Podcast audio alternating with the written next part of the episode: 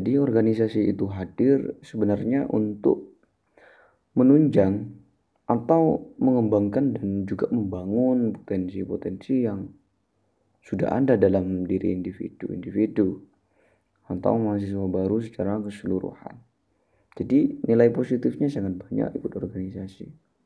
Selain kita bisa mengatur waktu kita sendiri, manajemen waktu ya, manajemen diri kita pribadi, atau pola-pola komunikasi yang teratur dan cara berpikir yang sistematis.